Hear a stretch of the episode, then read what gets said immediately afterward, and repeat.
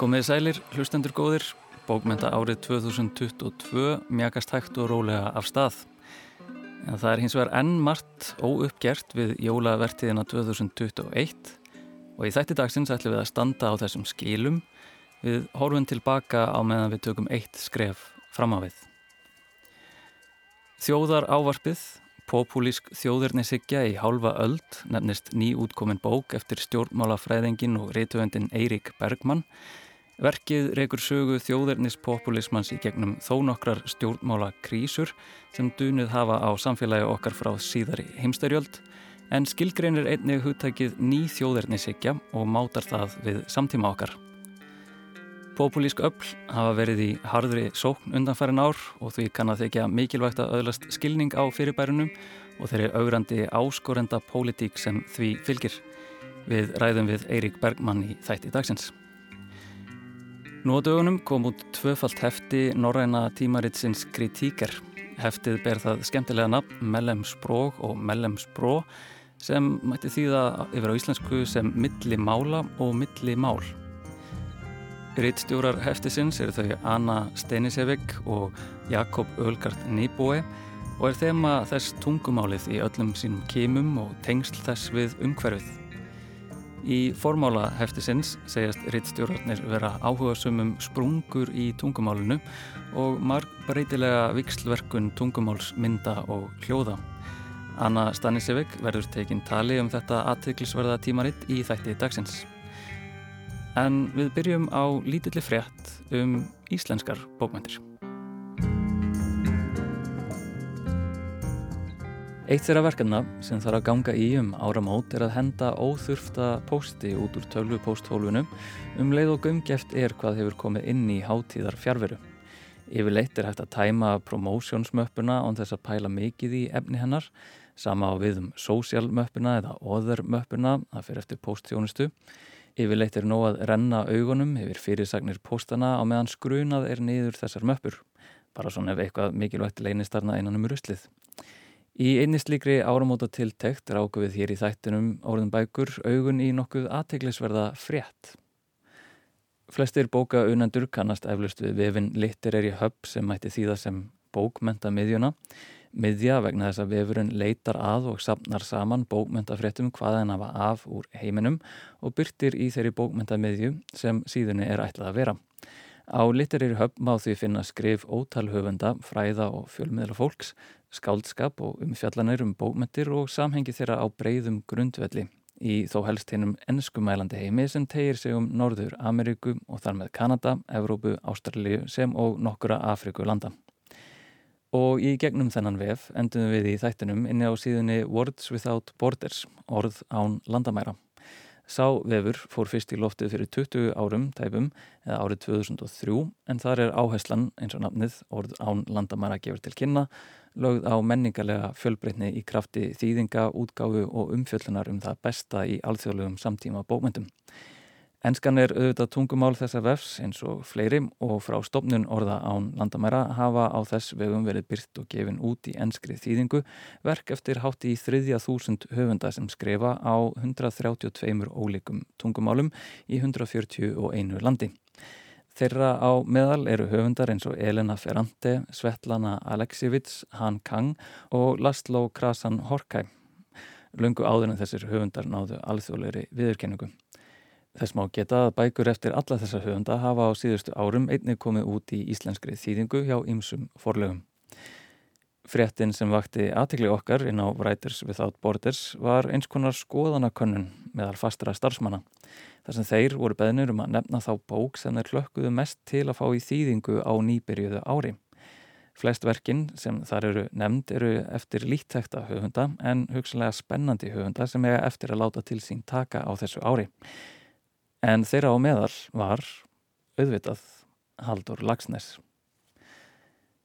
Bókmyndarittstjórin Adam Dalva sagðist í ofvæni býða eftir að fá í hendurnar nýja þýðingu á sölku völku. Já, í mars 2022 er væntaleg fersk þýðing eða fresh translation hins margverluna þýðanda Philips Rockton á þessari feminísku þróskarsögu trega ljóði um aðstæður verkalýðs stjættarinnar og áhrif félagslegs og efnahagslegs misréttis. Sagan er jáfnframt ljóðræn insinn inn í uppaf nútímanns í Agnarsmáum yðnaðabæ eins og segir í lýsingu verksins á VF Artsipelago útgáðunar og Adam Dalva segir að hann hlakki mikið til að lesa þessa 90 ára gamlu sögu Nobelsvelunahafans Haldós Lagsnes. Hann hafi lesið sjálfstætt fólk síðasta sumar þegar hann dvaldi í listamannaresidensjunu Gullkistan á laugavatni.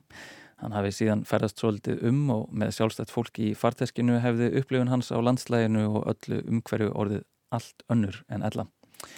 Nú séu hann fyrir sér að með sölku völku muni hann geta ferðast til Íslands á ný án þess þó að fara út úr íbúðinni heima hjá sér. Til er eldrið þýðing á sölku völku en hún hefur lengi verið nánast ófáanleg eða fáanleg fyrir fúlgur fjár. Það er því mikið fagnarefnið að bókin komi aftur út á stærsta markaði bókmyndana í heiminum enda á þroskasaga þessarar mögnuðu konu enn ríkt erindi við lesendur.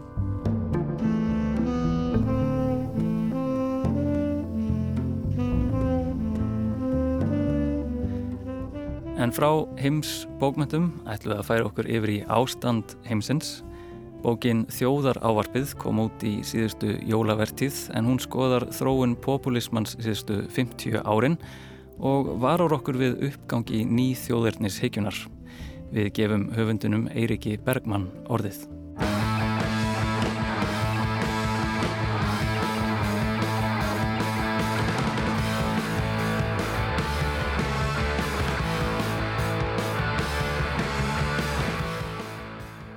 Við vorum sem sagt fjölskyldan uh, á laungu ferðalagi sömarið 2018 og eitt af því sem við gerðum þarna var að sigla yfir Gibraltarsund frá Tarifa á Spáni yfir til Tangier í Marokko.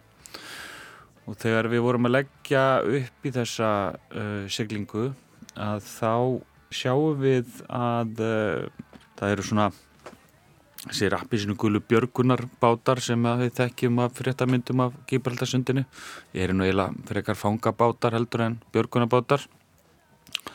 Það uh, kemur hérna að landi slíkur bátur með uh, sko, stútfullur af Afriku uh, fólki sem hafi verið hyrt upp úr hafinu og á upp á sagt, bakkanum að ræða sér herrlaurugla með bara bissur og fólkið sittur hérna yfir fullum bátnum uh, undir uh, bissukjöftum og uh, við sérsagt syklum bara út og dótti mín að þá 12 óra fannst nú veröldun snúa hérna svo litið á raungunni og ég var svona eitthvað að reyna að útskýra þetta fyrir henni hvernig stæði á þessu Svo snerum við tilbaka trefnum dögum síðar og þá sáum við að sama fólk var í haldi á sama bát, á sama stað í höfninni.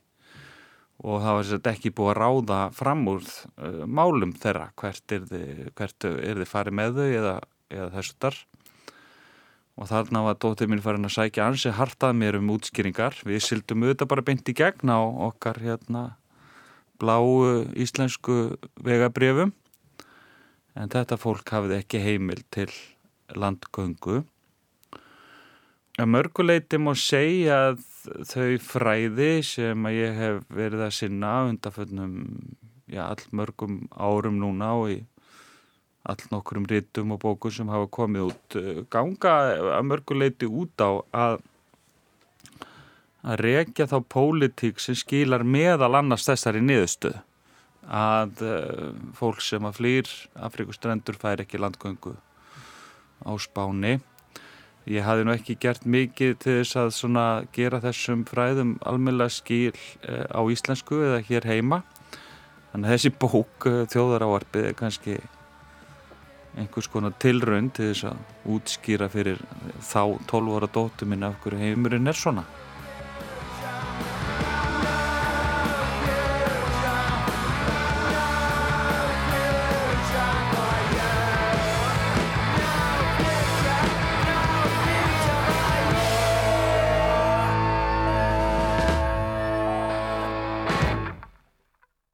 þjóðarávarpið uh, ber undirtitilinn uh, populísk uh, þjóðarnisikja í halva öld og þetta eru stór hugtök sem að byrtast framann á henni um, Og hafa, þeim hefur svo sem alveg slegið saman í kollinum á mér, uh, svona dag frá degi, ertu til ég að útskýra þess svona kannski munin á þessum tveimur? Já, þetta eru náttúrulega nokkur sko kannski bara flóknustu hugtök uh, félagsvísta uh, samtímans. En ég held því sem sé fram að á eftirstrísárunum hafi þróast annars konar þjóðverðnisíkja heldur en Eh, hefur verið við líði áður. Og það er þessi populíska þjóðinsikja og þannig kannski kemur því hugtæki að þá þá getur við að skoða þetta hugtæk þjóðinsikjuna eh, þjóðinsikja í rauninni sprettur einhver leiti fram sem bara frekar praktist svar við líðræðiskröfunni á sínum tíma.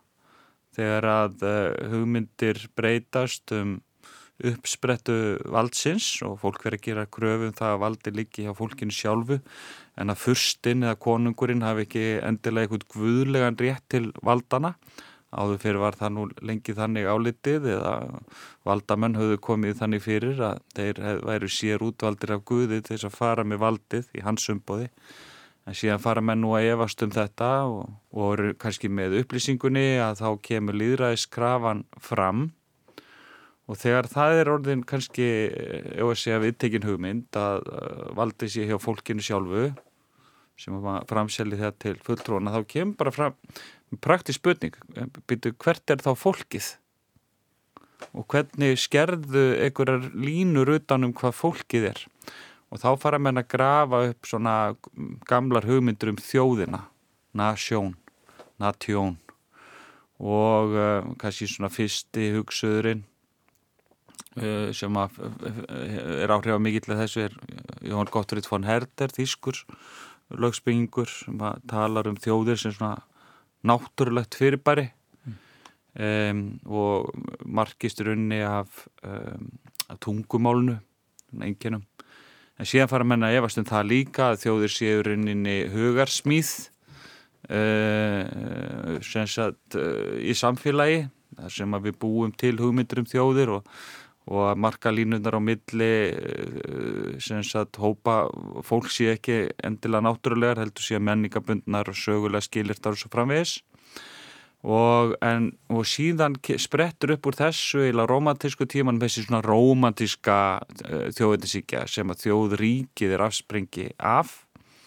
Og síðan kemur þessi sko öfgafylsta útgáfana þjóðinsíkjunni sem að er Eh, sem að er fasismin á milli, milli stríða og steipir náttúrulega bara verildunni í, í algjörða skjelvingu en lengst af eftir síðar heimstyrildina þá er uh, þjóðins ekki bara bannfærð hugmynd og stjórnmálamenn gátt ekki líst sjálfum sér sem þjóðinni sinna og komist upp með það.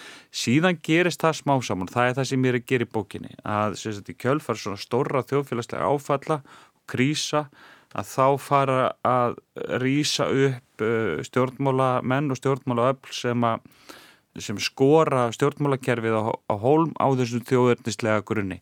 Og það er þessi populíska útgáfa af þjóðurnisíkjunni sem ég held fram að einnkenni þjóðurnisíkju okkar tíðar sem ég kalla nýþjóðurnisíkju þannig að nýþjóðurnisíkju er þessi populíska útgáfa og populismin er, svona annað óbáslega flókið hugtak um, sem er mikið deiltum en uh, í sinna einföldustu mynd þá gengur populismin út á að skilja á milli okkar sem tilherum hinnum innri hóp sem maður byrja að vernda og síðan uh, hinnar sem eru svona standa fyrir utanan og okkur stafar ógnaf, þess að pólitík okkar gegn hinnum. Það er hinn populíska uh, þjóðinsíkja eftir strísárarna. Einmitt. Og uh, populismin verðist líka einhvern veginn, hann er ekki einhvern veginn flokksbundin eða, hallar endilega til hægri eða vinstri og, en hann hefur samt mjög svona kjarnaða eiginleika sem ég fannst þú uh, skilgreina mjög vel í þessari bók hérna sérstaklega blæsu 72 þar sem leggur alveg tíu greina lista. Já ætla nú ekki að beða kannski um að telja það alveg upp en getur þú sagt mér kannski svona það Já. helsta sem einkennir þessar, þessar poplísku reyfingu sem byrjar að myndast Já, ég bý til svona ákveði skapalón hérna, greiningatæki ef svo má segja, svona ákveðin einkenni Það er að segja skilgreina þjóðina, anduði garð, innflytjenda, um, það er yfirleitt sko kert á okkur svona karismatiskum leðtóum, drákun svona íhjaldsemi, hildarhyggja og svo framvegis. En ég greini þarna í rauninni þryggja þrepa svona uh, orðræðu stiga sem að uh, þjóðernispopulismin gengur yfirleitt eftir. Og nefnir það réttilega, populismi til í alls konar mynd, hann getur verið til vinstri eða hægri og, eða hvað sem er. Það sem ég er, er að skoða er þessi þjóðernishyggju útgáfa af populismanum. Þannig að ég er ekki til dæmis að ta tala hann um vinstri populisma, en í þjóðernispopulismanum að þá er það yfirleitt þrent sem að uh, leiðtógin gerir eða áskorandin í fyrsta lægi þá elur hann að óta gagvart utan að komandi ógn sem að hann hefur sjálfur gerðnan sko framkallað í hugum fólks. En ógnin þarf ekki endilega að vera raunveruleg, hún getur líka verið ímynduð. Uh, í öðru lægi að þá ásakar hann innlenda elítu um að hafa svikið þjóðina í hendur henni utan að komandi ógn og í þriðja lagi stillir hann sjálfum sér síðan upp sem verndara þjóðarinnar, hins góða innri hóps gegn í rauninni kvorutvekja, gegn henni utan að komandi ógn og henni sviksömu innlendu elitu. Þetta er svona einfaldast útgáan, getur sagt. Þetta er svona, þetta er svo kenning um, þannig séð sem að ég byggja á. Já, þetta er svona gaggrinniskleiru til að hafa uppi Já uh, ef, ma ef mann grunar eitthvað og, En síðan er, uh, kemur eiginlega líka upp um eins konar ferli uh, og sérstaklega svona í setni hluta bókar þegar það er farið í meira svona sögulegt yfirlitt mm -hmm. sérstaklega í kjölfar ákveðna krísa sem hafa svona dunið Já. yfir okkur þá hafa populískar reyfingar svolítið stíðið fram og kannski náð svolítið miklu fylgi mm -hmm. og kannski, ég byrjaði fyrst að spyrja þig að er þessi þjóðverðnispopulismi þá uh, viðbraðsstjórnmál? Þetta er áskorenda stjórnmál. Þetta, þetta eða, var það lengst af. Í dag eru þessir, þessar hugmyndir komnar mjög langt inn í meginströymin eh, og jafnvel inn í bara hefbunna flokka. En lengi vel voru þetta áskorendur á jæðri sem að nýttu sér einmitt gerðnan sko áföll og stór atbyrði sko. Stjórnmál eru oft óbáslega mm, först í formi og ganga eftir mjög skýrum og vel skilgreindum brautum. Og það er erfitt uh, oft fyrir utan að komandi öll að sko brjóta sér leið inn í pólitíkina. Hins vegar þegar að þjóðfélagslega áföll uh, ríða yfir, yfir að þá opnast oft rými til breytinga. Þetta er það sem að stundum er kallað sko stjórnarskrá stund. Mm. constitutional moment þegar að, að allt í hennu opnast stjórnmálasviðið upp og gátt fyrir nýjum tillögum. Við upplifum það hér til að mynda á Íslandi kjálfærið á hruninu að þá opnaðist stjórnmálasviðið upp upp á gátt og, og nýja reyfingar gáttu hasla sér völl og nýjar hugmyndir. Það var þetta að reyðja þeim braut og, og svo framvegis. Og, og þú veist hvort sem að eitthvað verður úr því eða ekki er allt annað mál en eh, sagt, sviðið opnast. Og það er við slíkar uh, opnanir sem að jáðar öll hafa verið lungin við að, að sko að berja á hefböndnum stjórnmálum. Þetta gerist í rauninni fyrst þegar að Ólíukrísan rýður hérna yfir 1972 og þá koma fram hreyfingar í anstöðu aðalega við ströym innflytjanda sem hafði verið bóðið til vestur-Európu til þess að hjálpa uppi uppbygginguna. Svo eftir fall Berlínamúrsins og endalók kaldastrýsins þá verður önnur svona stjórnarskar á stund sem að kallar á mjög ólík viðbröð annars vegar vestamegin Evrópu hins vegar austanmegin. Um, þegar fall Berlínamúrs nei hérna árásin á týpuraturnana í, í bandaríkjónum uh, 2001 þá opnast sviðið aftur á nýja leik. Muslima andú kemur þá fram fjármálakrísan, flótamannakrísan og núna senast koronaviru krísan. Og, uh, og, og við fáum að svona kafa eins onni þessar krísur í bókinni mm -hmm. og, og sjá svona viðbröðin sem að þessi jæðar öll kom mm -hmm. með inn í meginströmmin og populismannum fylgir síðan um, mikil dreifing á falsfrettum og, og, og samsæriskenningum svona hvernig fléttast það inn í þetta fyrirbæri? Já, það má kannski segja að, að við höfum á undarföllnum árum staði fyrir sko þremur ströymum sem að hafa leigið að hefbundum stjórnmálum og endar bara í stórfljóti. Eitt ströymurinn er þessi populska pólitík sem við höfum verið að tala um, sem hefur komið upp í kjölfarið á þessum krísum og svo framvegis. Annar ströymurinn er upplýsingaflóðið uh, sem að flæðir yfir í nútímanum meðal annars bara og kannski sér í lagi eh, sögum sko eh, framþróunar í tækninni að tæknin býr bara til dreifingu upplýsinga um, í magni sem við höfum aldrei séð áður. Og mannshugurinn veist, við höfum bara ekki heila bú í að greina á milli allra þessara upplýsingar sem við fáum. Þannig að órindar uh, upplýsingar streyma til japs við sko staðreindar upplýsingar en við höfum lítil tök á að, að, að skilja þar á milli, milli sjálf. Þannig að falsfréttir streyma fram jaft og, og sannreinanlegar fréttir í bara flóði sem hellist yfir okkur og svo bætist þriðjiströymurinn við sem að er dreifing samsæriskenninga. Samsæriskenningar hafa alltaf verið til. Það hafa alltaf fyllt manninum.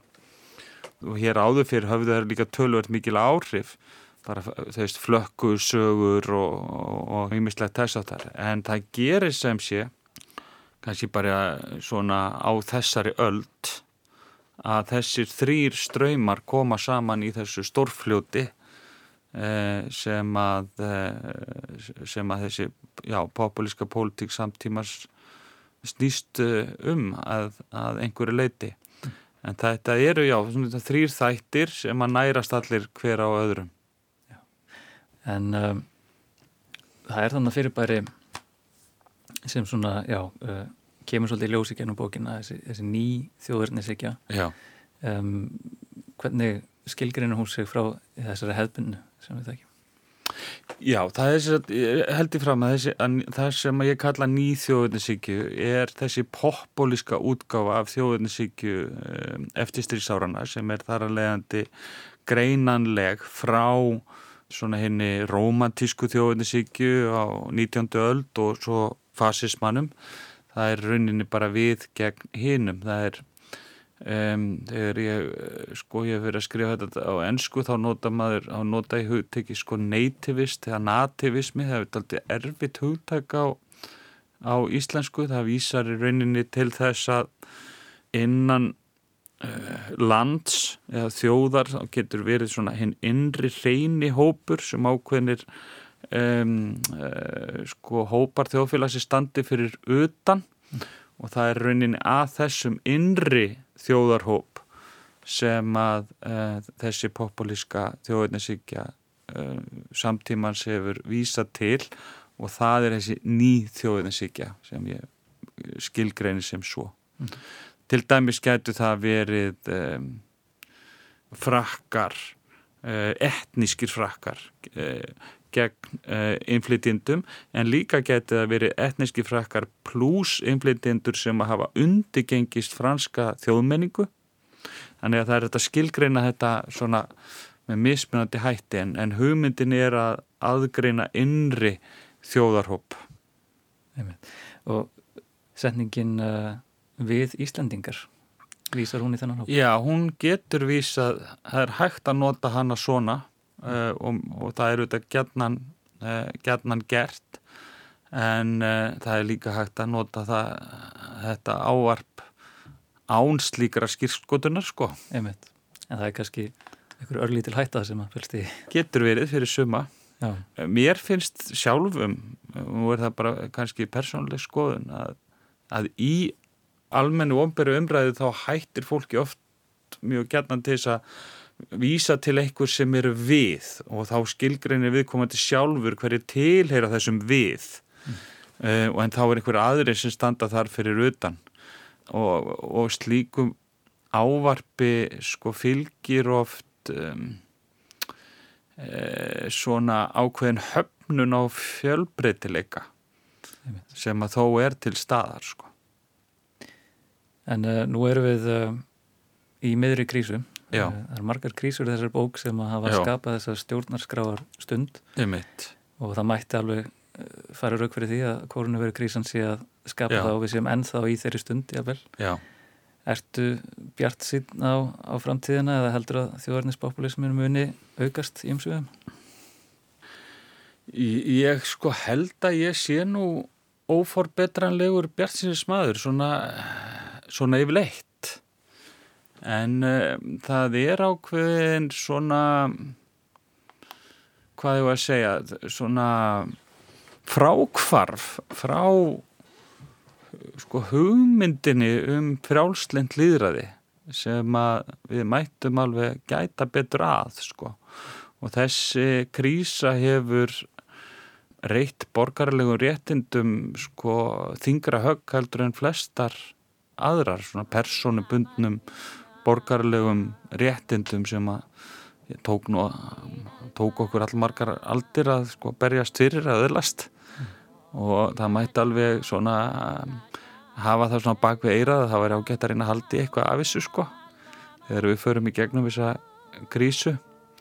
En uh, það eru hættur hana en jú, ég er nú svona frembjarsitt sko Já, mannkinninu flegir alltaf fram því að það er stað, um leið og við erum alltaf að tala um einhverju svona stórar, stór mál og hættur og svo framvegis, þá er staðrind mál sem, samt sem áður svo að sko maðurinn sem bara tegund hefur aldrei haft það betra heldur en akkurat tegunarblikinu.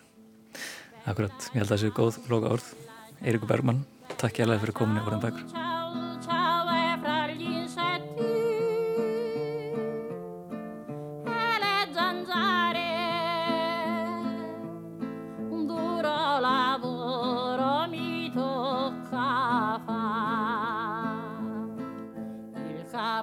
Var Eirikur Bergmann sem sagði þarna frá bóksinni Þjóðar ávarpið. En við ætlum að færa okkur úr stjórnmálunum og huga það tungumálunu hér í orðum bækur. Jórun Sigurðardóttir tekur nú við. Nýtt ár þýðir þáttaskill og hvetur til endurlits til hins nýliðna.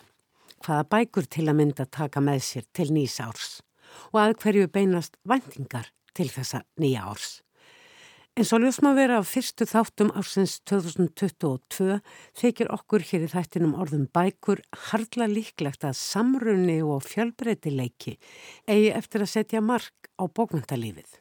Að skáldskapur skrifaður á ólíklegustu tungumálum í framandi löndum haldi áfram að reyðja sér rúm í hinnum ennskumælandi meginströmi og þannig auka strömþunga sinn.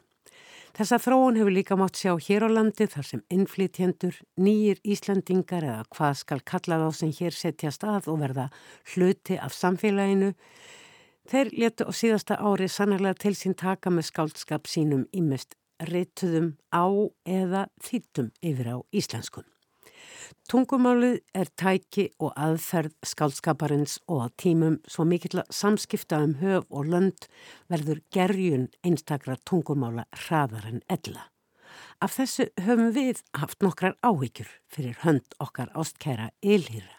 Mun íslenskan lifa þessa gerjun af. En við erum ekki ein um að pæla í tungumálunu og skálskapnum sem þau næra. Á dögunum kom út tvöfalt hefti Norranna tímaritsins kritiker um er að ræða temahefti þessa skandinavíska bókmyndatímarit sem ber titilin Mellem Spró og Mellem Spró, milli mála og millimál. Reitstjórar þessa viðamikla hefti sem telur hátt í 200 blaðsíður eru þau Anna Stanicevic og Jakob Ulgård Nýbó. Anna fættist í Serbíu þar sem hún fekk snemma áhuga á norrætni menningu. Hún stundaði háskólanám í skandinaviskum fræðum við háskólan í Belgrad, lærði síðan norsku í Noregi að ég held og íslensku við Háskóla Íslands og hóf svo að kenna íslensku sem annað mál við þann sama skóla. Hún stundar nú doktorsnám í menningarfræðum við Háskóla Íslands auk þess að sinna ymsum verkefnum á norrænum vettvangi eins og þessari reitstjórn kritiker. þá þýðir Anna Norrannar bókmyndir yfir á serbnesku og skrifar ljóð undir skáldanafnu Anna Mjallkvít Drekadóttir. Jakob er Dani, doktor í samtíma bókmyndum og hefur rannsakað norrannar bókmyndur og tungumál. Hann kennir nú dönsku við mentaskólan á Akranesi og er stundakennari við Háskóla Íslands. Þau Anna og Jakob fylgja kritikerheftinu úr hlaði með ingangi þar sem þau kynna efni höfundana 24, skálda jæmt sem fræðafólks sem og markmið sitt með þessu ákveðna hefti. Þar segir Það var óskokkar með þessu temahefti að skoða tungumálið í öllum sínum kemum og tengsl þess við umhverfið og heiminn. Gaumgefa sérstaklega jæðarinn og þær förðulegu aðstæður sem þeir sem nota viðkomandi tungumál geta lengt í. Við vildum gefa ljóðrætni tjáningu með notkun margra tungumála og eða millimála gaum sem og tjáningu án tungumáls. Okkur langaði að rannsaka móðurmál af kærleik en líka krítist og skoða afstöðuna sem byrtist í tungumálunum við tilbreyði eins og málískur og sérkenni nýra málnótenda. Hvernig það er að skrifa á öðru tungumáli en móðurmáli sínu eða að skrifa á fleirin einu tungumáli samtímis og hvernig það er að skrifa á móðurmáli sem ekki á sér rítmál. Þau Anna og Jakob segjast í inganginum líka vera áhuga sem um sprungur í tungumálunu og markbreytilega vikslverkun, tungumáls, mynda og hljóða. Allt hljómar þetta áhugavert og að heftina að dæma er sannarlega margt að rannsaka og skoða varðandi gerjun tungumáluna á fyrirluta 20. og 1. aldar. Ég ákvaði að taka Önu Stænitsjövits tali um þetta merkilega verkefni sem þau Jakob tókust ávið og listu með svo áhugaverðum hætti. Anna Stanisevits, áður en við tölum um þetta áhugaverða hefti af kritiker, segðu okkur hlustandun svo litið frá þessu tímarindi. Það gefið út í Malmö í Svíþjóð en til dæmis þetta hefti, það er skrifað á dönsku, ekki síður en sænsku. Hvers konar tímarind er þetta? Já, þetta er tímarind sem var til með þessari hugmynd að uh, einhvern veginn uh, faðma uh, að sér öll skandinavist uh, tungumál og lönd. Þannig að bæði norska, sænska og danska eru oftast með í, í hverju hefti og, og hugmyndin er að um, einbeita sér bæði að skálskapnum frá þessum löndum en líka á uh, svona gaggrinni hugsun og bókmyndagaggrinni ekki síður. Þetta er svona svolítið eins og hvað svona fræðilegan standard ef að svo má orðið komast svipað eins og tímaritt máls og menningar. Svona mm. alþýðlegar fræðigreinar. Það má segja það og stundum er sagt að þetta sé norrænt uh, tímaritt og ég passa mér alltaf að nota þetta orð að því að það myndi býða að það ættu að vera með líka tungumála eins og íslenska, fæliska, finska, grænlenska og svo framvegs og ég menna auðvitað er hugmynd og kannski svona æsta hugmynd uh, tímaritsins að vera eða verða norrænt tímaritt mm. og það eru alls konar áskoranir í því að vera all norrænt út af því að tungumálinn eru kannski ekki skiljanleg hvort öðru, mm. öll, öll þessu tungumál Ekki öll, þess vegna vorum við til dæmis líka í okkar hefti með uh, svona hluta sem var tilengað íslenskunni auðvitað. Að, að minnstakosti ef það koma fyrir uh, greinar á eða um skálskap á öðru tungumáli það koma líka þýðingar á norsku, dönsku eða sænsku. Þannig að mm. þessi trú mál má segja séu svona aðalmál tímaritsins. Mm. En þetta er nokkuð gamalt tímaritt. Ég var alltaf hissað þegar ég sá það. Já, það hefur kannski komið í gegnum eh, aðskondar umbreytingar í gegnum tíma en það var stopnað í 1918 sem er alltaf mjög viðburðaríkt ár hér á landinu, vitum við öll. Já. þannig að það er ósað ein, einfalt að muna. Og svo sem í Evrópu líka endalög heimstýraldarinnar fyrri. Akkurat, ekki síður það algjörlega, þannig að það var svolítið gaman að fá þetta verkefni í hendur og vera beðin um að uh, rýtstýra um, einu uh, hefti, mm. reyndar tvöföldu hefti. Þannig að það eru tvö hefti í einu uh, sem, við, sem við sáum um. Sérstaklega því að fannst okkur þetta að vera mjög góður vettfangur fyrir einmitt því alnorræna einhver mm. veginn og, og við reyndum að minnstakosti að hafa sem mest og snerta mm. uh, alls konar tungumál sem eru töluð á þessum svæðum. ykkur var fa- falið að fjalla um þessa gerjun í tungumálinu, þessa þróun sem er að verða við þannan mikla samruna og, og þetta hva- hvað bara svo mörg tungumál eru aðgengileg í gegnum uh, netið. Það er bara netið hefur náttúrulega haft gríðarlega áhrif og enskan er allstaðar á þessu svæði mjög áberandi held ég að hljóta vera. Jú. En þið eruð í rauninni að eitt kimi af þessari gerjun er hvernig manneskjur út um allt er að brjóta af sér húun sem að meðal annars byrtist í tungumálinu og hefur átt sér stað í gegnum aldir í mörgum tilveikum vegna nýlendu stefnu, vegna kyngerfis eða kyns og núna kannski ekki síst vegna þess að fólk er svo mikið á hreyfingur að flytja sig á milli málsvæða til að öðlast betri lífskilirði. Og hvernig tungumálið bregst við þessu, það er eiginlega svolítið að, að, að koma í ljós, það, það hefur eiginlega verið þakkað. Það hefur verið þakkað og það var okkar uh, hugmynd og ósk með heftinu að einhverju veginn uh, setja það í brennidepli og skoða hvernig tungumál einmitt eins og þú varst að nefna í þessari gerjun tungumála í, á 21. öld eru að bregðast við og, og það var auðvitað mjög mikilvægt fyrir okkur að reyna að ná utanum öll þessi efni. Það eru svo mar margar hlýtar og okkur finnst líka að okkur hafi tekist nokkuð vel að einhvern veginn hafa uh, fólk frá ymsum uh, tungumóla uh, aðstæðum og, og ekki síður uh, félagslegum aðstæðum uh, tjási um það mál. Það má nefna fleiri, fleiri greinar sem kannski fjalla um, um. Hvernig ákváðu þið að nálgast þetta? Auglýstu þið eftir fólki, þetta eru 20 og hvað, fjórir höfundar Já. sem að eru þarna bæði með greinar, rítgerðir á mörgum uh, fræða og skaldskapar, uh, mikið af ljóðum og uh, margt mjög persónulegt sem er líka ákveðið enkenni í bókmyndunum akkurat og skaldskap í dag og tengist kannski þessari gerjun tungumálinu eða ég veit ekki hvort er byrtingamind mynd hvors. Já, einmitt, er mjög vel séð og tekið eftir og það er einmitt bæði mjög almennt en personubundið líka og, og það er einmitt það sem við vildum líka sína fram á með öllum þessum personum uh, sögum sem, sem getar vel ver, verið uh, almennar og, og, og sem maður getur tengt við. Já, við fórum að því á, uh, á ymsan hátt. Við, við höfðum svo skýra um, hugmynd um heftið og við vissum strax hverja við vildum hafa með.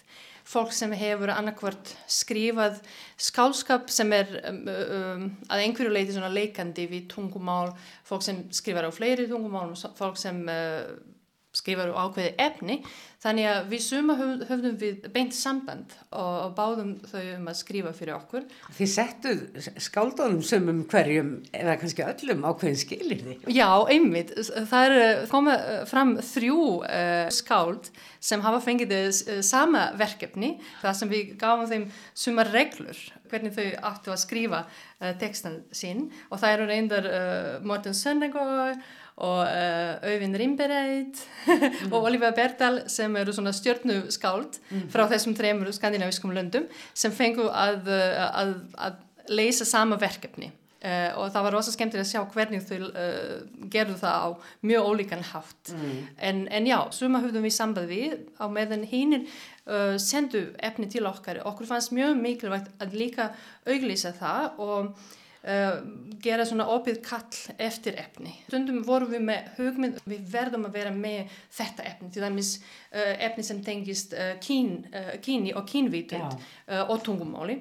En um, við, við gátum ekki fengið viðbröð frá ákveðnum fólki sem við höfðum reynd að um, fá til að skrifa. Stundum hefur fólki ekki tíma einfallega uh, en sem betur fyrir fengum við tvo texta sem, sem pössuðu svo vel inn í tímarið okkur fannst líka mikilvægt að opna og gefa plás og hvar felast öll þessi uh, skrif uh, í samfélagin kringum okkur Akkúrat. þannig að það er virklega blandað Þú vísar hérna til tvekja greina um kyn og kyngerfi og það er náttúrulega í mikilli gerjun akkurat núna Já. og mjög áhugaverð þessi grein uh, Kai, nei, ha- uh, Fræi Hó Fræ, Fræ Hara. Já, Fræhór, uh, hann skrifar um vandamál við kynið og Já. tungumál Já. og hvernig kyni gerir tungumál svíkult og, og öfugt. Uh, tungumál gerir kynið sv- svíkult einhvern veginn og, og uh, hann bregst við skrif og uh, annars uh, ríðhöfundar, mm. Katarínu Frostensen sem hefur tjási um þetta mál en kannski ekki að, já, ekki Já. á sama hátt og, og freymundi óskað þess. Þetta er aldrei svona útópiskur tótni í grein um, fræ har um, þar sem að hann, mér sýnist hann eða hán vilja já, eiginlega útrýma eh, hérna kynvísun í tungumálinu. Hún sé, eins og þú segir, svikul og blekkjandi. Akkurat og það er einmitt það sem er, mér finnst kannski svona gegnum gangandi þema í eh, heftinu að maður uh, áttast á því hvernig tungumál getur verið bæði gjöf en líka, ég meina, ómögulegt uh, mál. Þú veist. Getur verið svo mikil, eh, mikil dölbúningur. Það getur falið svo margt. Það getur falið svo margt uh, og líka kannski afhjúpað en meira. líka. Já, en, en varðandi Kín, ef, ef ég fer svo aftur inn, inn í það, uh, okkur fannst einmitt svolítið gaman að opna einhver, einhvern heftið með, með ljóði eftir Söru Jenberg sem blandar tákmáli og uh, veist, þetta er einlega myndljóð að einhverju leiti.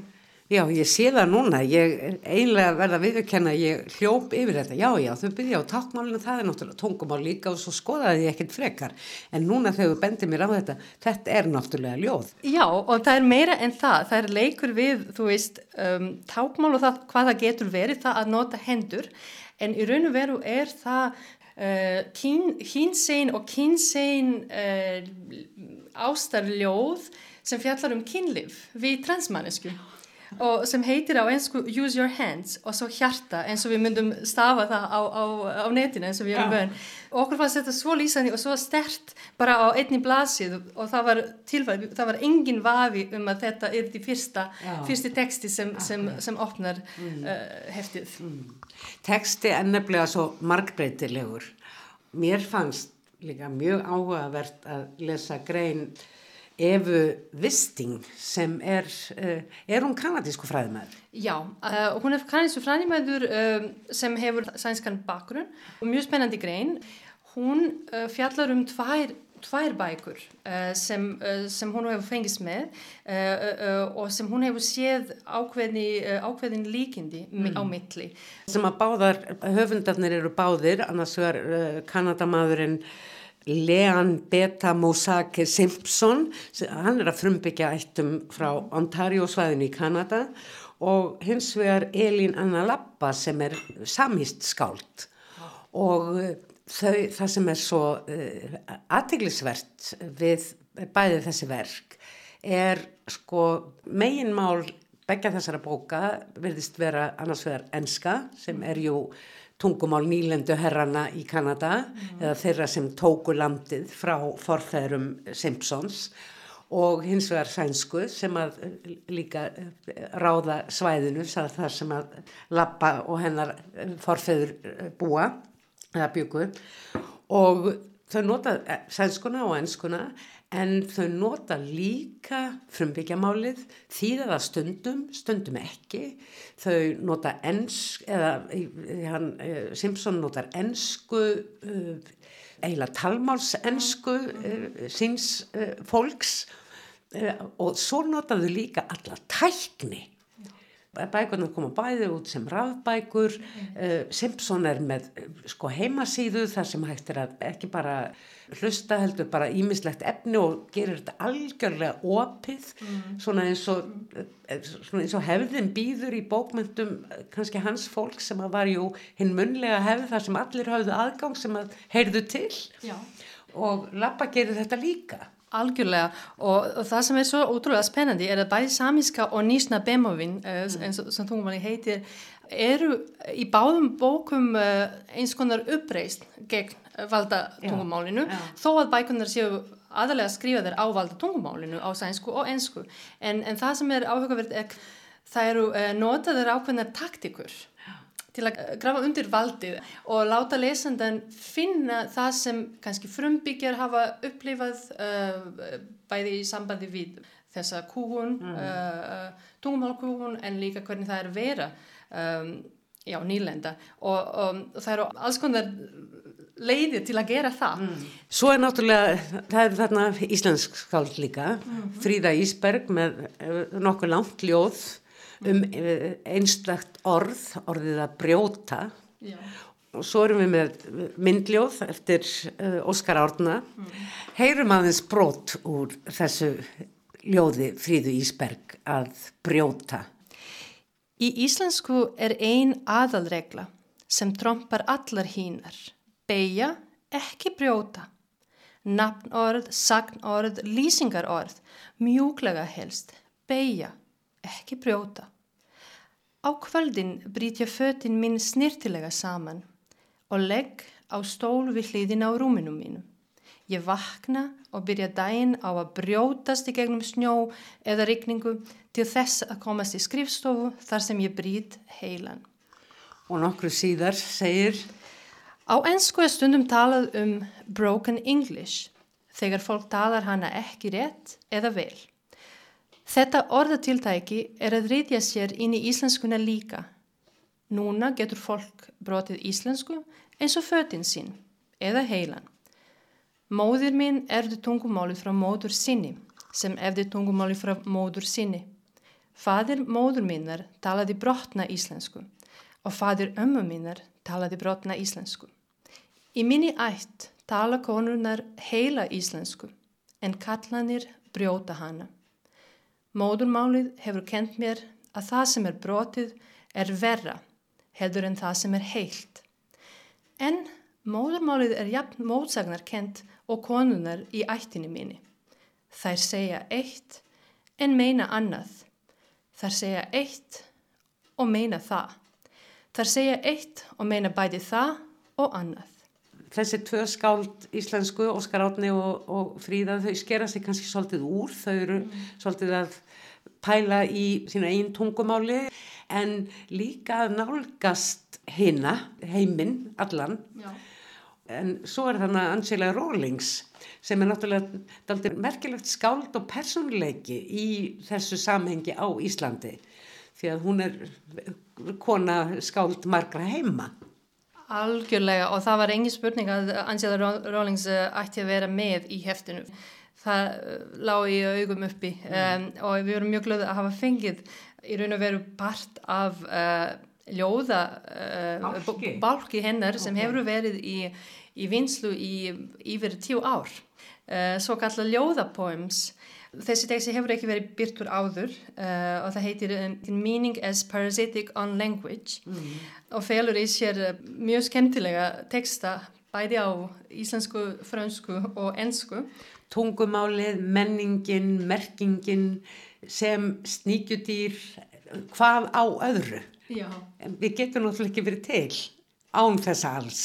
Nei, ná, nákvæmlega. En rétt eins og sníkjudýrið í vefjum, vefum líkamanns. Einmitt, en hvernig merking líka getur verið bara svo, já, hlýstæður, uh, svona hlýstæð fyrirbæri einhvern veginn, þegar maður sér menning og míning og, og, og hvernig sum orð uh, eru svo kannski nálæg hverju öðru á fleiri, fleiri tungum en því það er eitthvað annað. Stundum því það þau mm. það sama.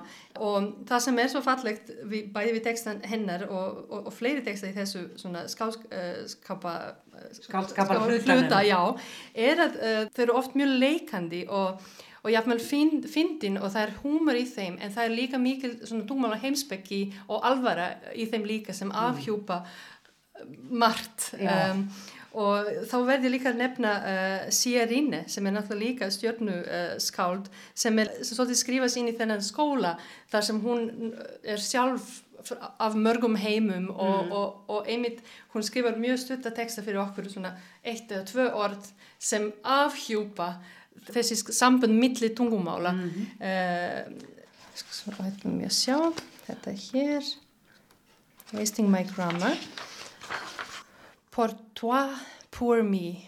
um, The Death of the Author en ekki eins og döði höfundarins heldur uh, Skuld. skuld höfundarins uh, og svo framvegs og auðvitað endum við hér uh, frábærlega bara með, með einu af þessum frábærum uh, stuttum út, hvað við kalla þau um, stuttum uh, vísdómsorðum uh, á einni blaðsíðu The Show Must Go sjóið verður að halda eða, eða Já, fara. fara. Já, einmitt, þannig að legg í ferð. Einmitt.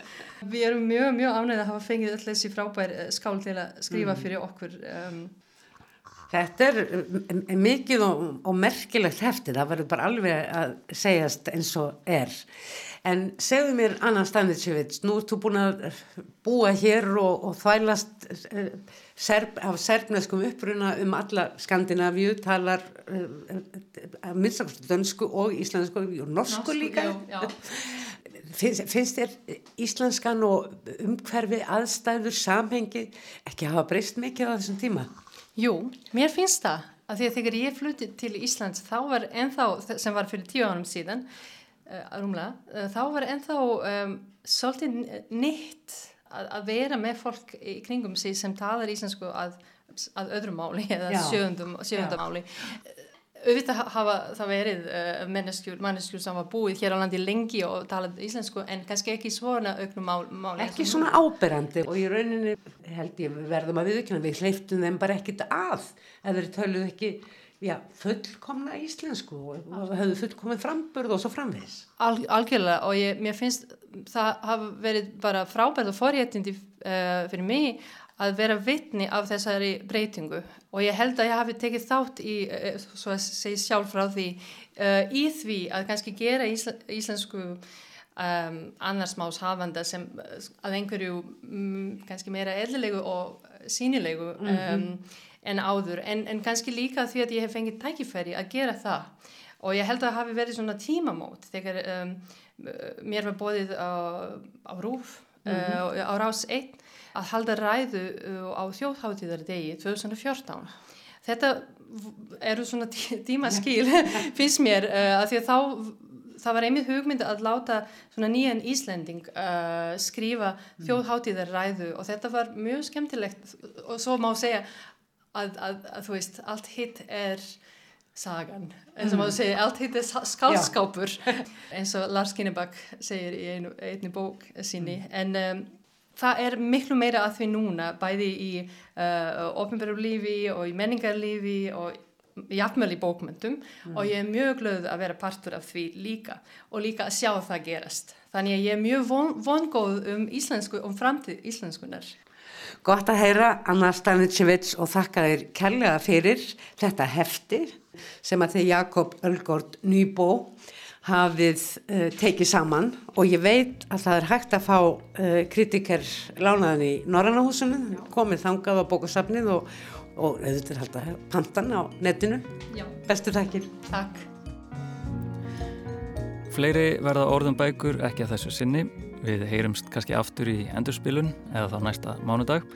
Nú eða handan línulegar dasgrár á rúf.is eða í hlaðvarpinu.